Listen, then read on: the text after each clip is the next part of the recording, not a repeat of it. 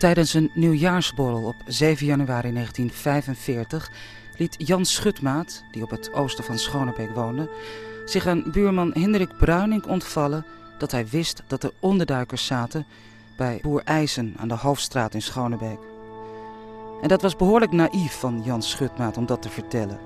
Want het was bekend dat Hendrik Bruining en zijn broer Lubbert lid waren van de NSB. Ze woonden samen met hun ongetrouwde zuster Gerardina Bruining, die pro-Duits was, maar een kind had van een Joodse man, in een pachtboerderijtje in de buurt van Schutmaat. Bert Vinke, geboren in Zandpol, is historisch onderzoeker en publicist. En hij heeft zich vastgebeten in de OD-actie, de onderduikersactie, van januari 1945, die het gevolg was van de loslippigheid van Schutmaat. In deze podcast en radioserie van Drenthe Toen reizen we met Bert Vinken mee in de auto door Zuidoost-Drenthe. Door januari 1945. Voor zijn onderzoek en een boek dat hij gaat schrijven is hij bezig met een reconstructie.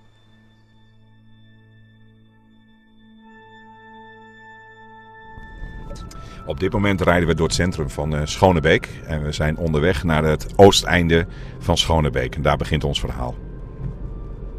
Schonebeek is een lintdorp, hè?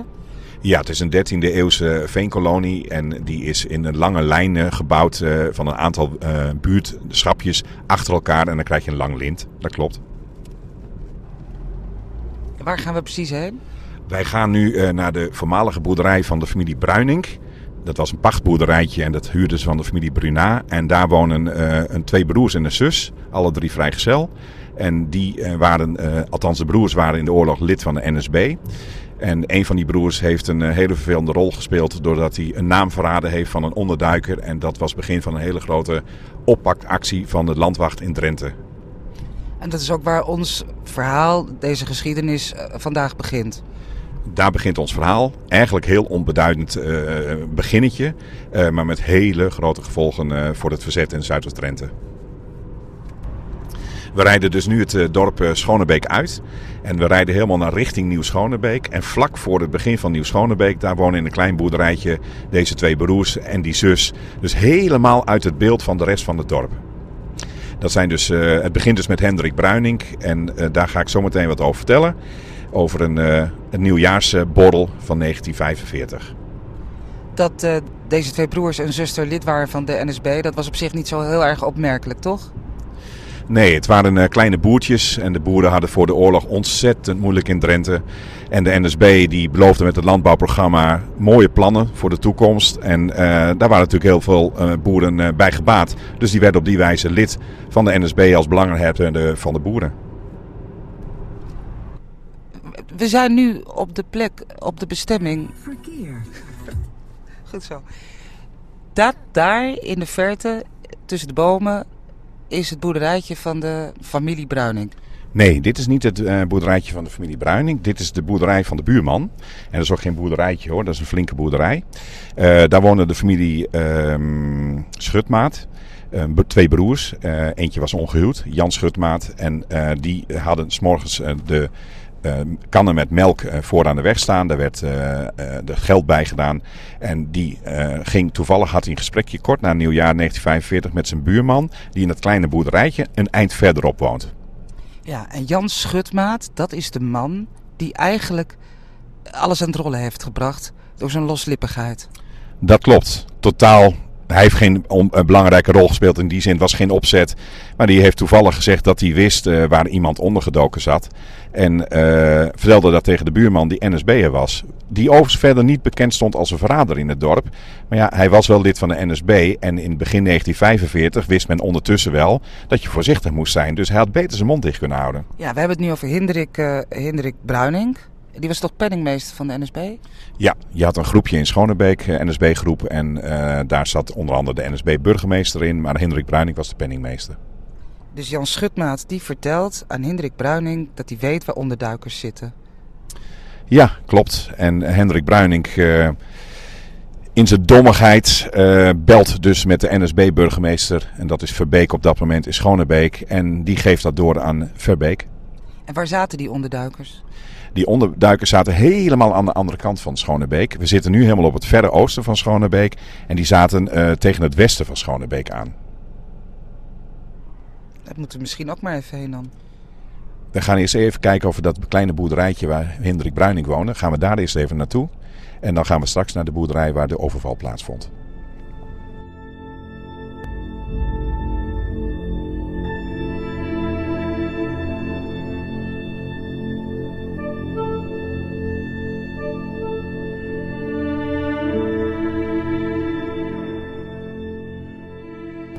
We rijden hier wel een beetje door niemandsland. Nou, niemandsland is niet, uh, Sophie, maar uh, we rijden wel in een stukje wat uh, iets avontuurlijker is dan door het dorp heen te rijden. En ik zie in de verte al het huisje staan waar wij naar op zoek zijn. Het huisje van de familie Bruining. Twee broers en een zuster. Ja, klopt. Twee broers, lid van de NSB. En een zus die een buitenechtelijk kindje had. Met heel bijzonder, met een Joodse vader. Een onbekende Joodse vader. En die woonde daarbij in huis. ja, bijzonder. En, en op die ene bewuste, of het was geen bewuste avond, het was een nieuwjaarsborrel. Dat ze bezoek kregen van Jan Schutmaat. Dat klopt. Het was volgens mij niet eens jaar een kleine nieuwjaarsborrel, iets dergelijks heb ik begrepen uit de verhalen. En uh, ja, lippigheid, gewoon even een, praatje maken, is dat gevallen. Ik zie overigens dat wij nu een klein stukje te ver zijn gereden. We moeten nog een klein eindje terug en ik zie het hier achter links, uh, zie ik het boerderijtje liggen in de verte. Het kan natuurlijk ook zo zijn, hè, denk ik dan als amateurpsycholoog, dat mensen het ook wel spannend vonden. En misschien door de drank eh, wat aangemoedigd om, om iets te vertellen wat ze beter geheim hadden kunnen houden. Ja, of het nou super spannend was, weet ik niet. Maar in zo'n dorp gebeurt natuurlijk niet schokkend veel. Dus alle nieuwtjes zijn bijzonder. En ja, die komen dan natuurlijk waarschijnlijk aan de orde. En dan is het altijd wel even uh, misschien spannend om te laten weten dat jij net iets meer weet dan de rest. Het is een eigen weg, we mogen er dus niet in. Nee, dat klopt. Uh, hij is, ligt wat verder van de bebouwde kom af. Ligt ook verder van de hoofdstraten af. Achteraf. Het was een heel klein pachtboerderijtje van de familie Bruna. Ik heb wel foto's gezien uh, van na de oorlog. Het zag er heel armoedig en armtierig uit. Dus ja, veel, uh, ze hadden natuurlijk niet veel hoop op dat het goed ging met hun landbouwbedrijfje. Dus logisch dat zij zich aansloten bij een club als de NSB met verwachtingen voor de, de toekomst. Ja, je hebt het nu weer over de Bruinings, hè? Ik heb het nu inderdaad weer over de familie Bruining, ja. ja. En eigenlijk een, een onbeduidende NSB'er, als ik het zo mag zeggen, die Hendrik of Hendrik Bruining. En die gaat op een gegeven moment met die kennis, die wetenschap die hij van Jan Schutmaat heeft, hè, dat er ergens onderduikers zitten, naar de burgemeester. Ja, dat klopt. Uh, kijk, zo'n NSB-groepje in Schonebeek, daar gaat het om, was heel klein, ongeveer tien leden. Uh, hij was natuurlijk een on, onbeduidend klein rotboertje en uh, was wel de penningmeester van dat clubje. En kende natuurlijk daardoor ook de NSB-burgemeester Verbeek. En dat was natuurlijk een vooraanstaand iemand. Was een notabele in Schonebeek. Ja, natuurlijk niet gewaardeerd notabele. En het is natuurlijk wel leuk dat jij daar contact mee hebt als onbeduidend boertje. En dan is het natuurlijk wel leuk dat je even wat kunt melden. Dus dan uh, denk je, nou laat ik er maar eens even naartoe rijden en laat ik uh, hem dus maar even wat informatie geven die ik weet. Nog even over die onderduikers zelf. Hè? Hoe, hoe wist die Jan Schutmaat dat eigenlijk? Um, dat is, weet ik eigenlijk nog niet. Dat is een van die vragen die ik ook nog heb. Alleen wat ik wel begrepen heb uit uh, verschillende gesprekken die ik heb gehad over de oorlog. Mensen wisten heel vaak wel wie onderduikers hadden. En waarom.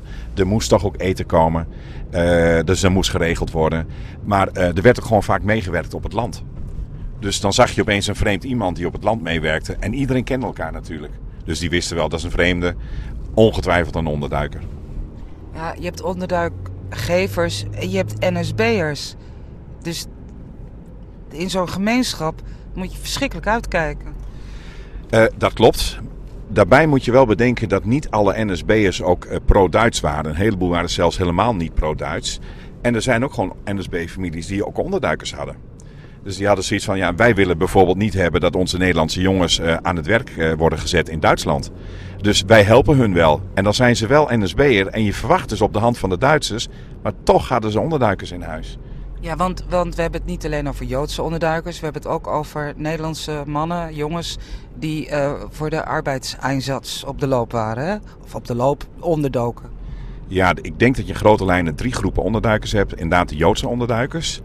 Daarvan wisten we allemaal, uh, die moesten we heel goed beschermen. Want als we dat niet deden, dan was het einde verhaal voor hun.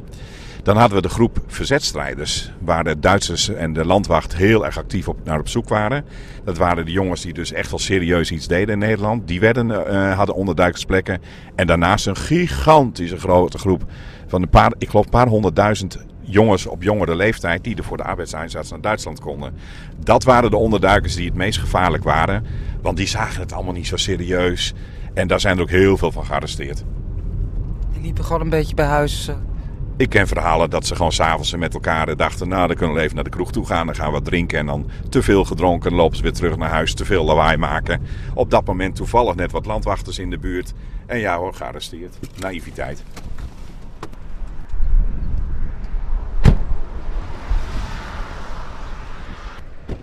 Bert, langs die hele lange weg, de Europaweg, zie ik hier bij de bushalte, zijn we gestopt om te kijken naar een, uh, naar een pand. Uh, wat, wat, is dit voor gebouw? Dit, uh, was, deze Europaweg was in de oorlog heette die nog Hoofdstraat. En we staan nu bij het pand van de burgemeester van Schonebeek. En in de oorlogsperiode wonen hier dus uh, eerst nog de niet-NSB-burgemeester, maar die is al snel afgezet. En daarna wonen de twee NSB-burgemeesters. En in 1945, januari, was dat Henk, Henk Verbeek. En die krijgt dus te horen van Bruining waar er onderduikers zitten. Ja, ik heb niet de indruk dat, dat Hendrik telefoon thuis had. Dus ik denk dat hij op zijn fietsje gestapt is of lopend naar dit huis is gegaan. En uh, dat hij daar Verbeek heeft ingelicht over het feit dus, uh, dat hij wist dat waar een aantal onderduikers zaten. En uh, Verbeek in zijn ijverigheid heeft direct gebeld met het hoofd van de landwacht in Emmen, Smit. En die heeft doorgegeven, nou ik ken een aantal namen van onderduikers. Wat willen jullie daarmee? En zo is dat balletje gaan rollen. Nou ja, wat eigenlijk een beetje een understatement is.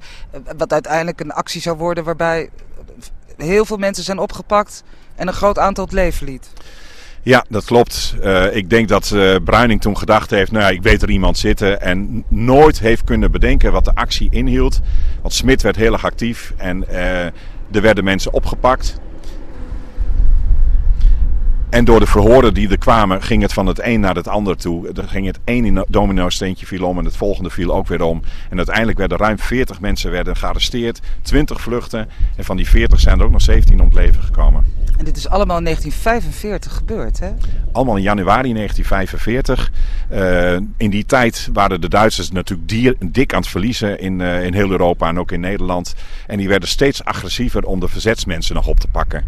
Dus zowel de landwacht als de Sicherheidsdienst als de Duitsers waren heel erg opgebrand om die verzetstrijders op het laatst van de oorlog nog te pakken. Dus uh, als een berichtje binnenkwam, gingen ze ook acuut over, direct over dat zoeken van mensen. Heel fanatiek heel fanatiek. Want je zou denken, wat zouden ze hier nou doen? Nou, die Smit heeft direct zijn maten opgetrommeld uh, in Emmen en in de omgeving. En is direct begonnen met een inval in Schonebeek.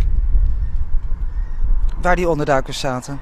Inderdaad, uh, waar die onderduikers zaten. Dat is in het huis van de familie IJssen. En daar gaan we straks even een kijkje nemen. Even wachten op die auto.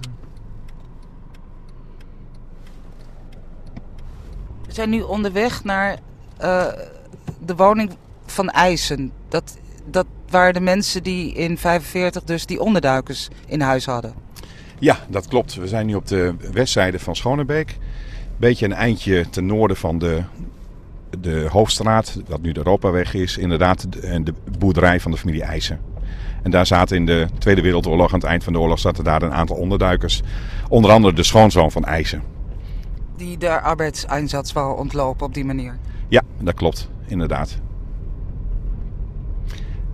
En uh, zij uh, hadden de gewoonte, hier zaten ook wat hongerevacuees in huis. Het was wel een beetje een drukte in dit huis, er kon ook heel veel.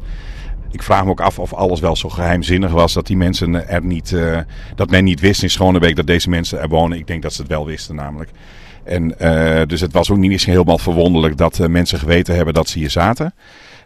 maar op die zondagavond toevallig waren er net heel veel hongerevacuees en onderduikers waren niet thuis. Die waren gewoon in Schonebeek gewoon op visite. Kun je je voorstellen, ben je eh, ondergedoken even, en dan ga je op visite bij andere mensen Schonebeek om het even lekker geheim te houden. Maar er waren er wel een paar thuis. En uh, ja, opeens stond op dit uh, straatje waar wij nu staan, stonden een aantal landwachters heel erg actief te zijn. En dat waren uiteindelijk heb ik nu al twaalf mensen ontdekt die hier in en om het huis stonden om deze twee mensen uh, op te pakken. En er kwam nog een derde wat later bij.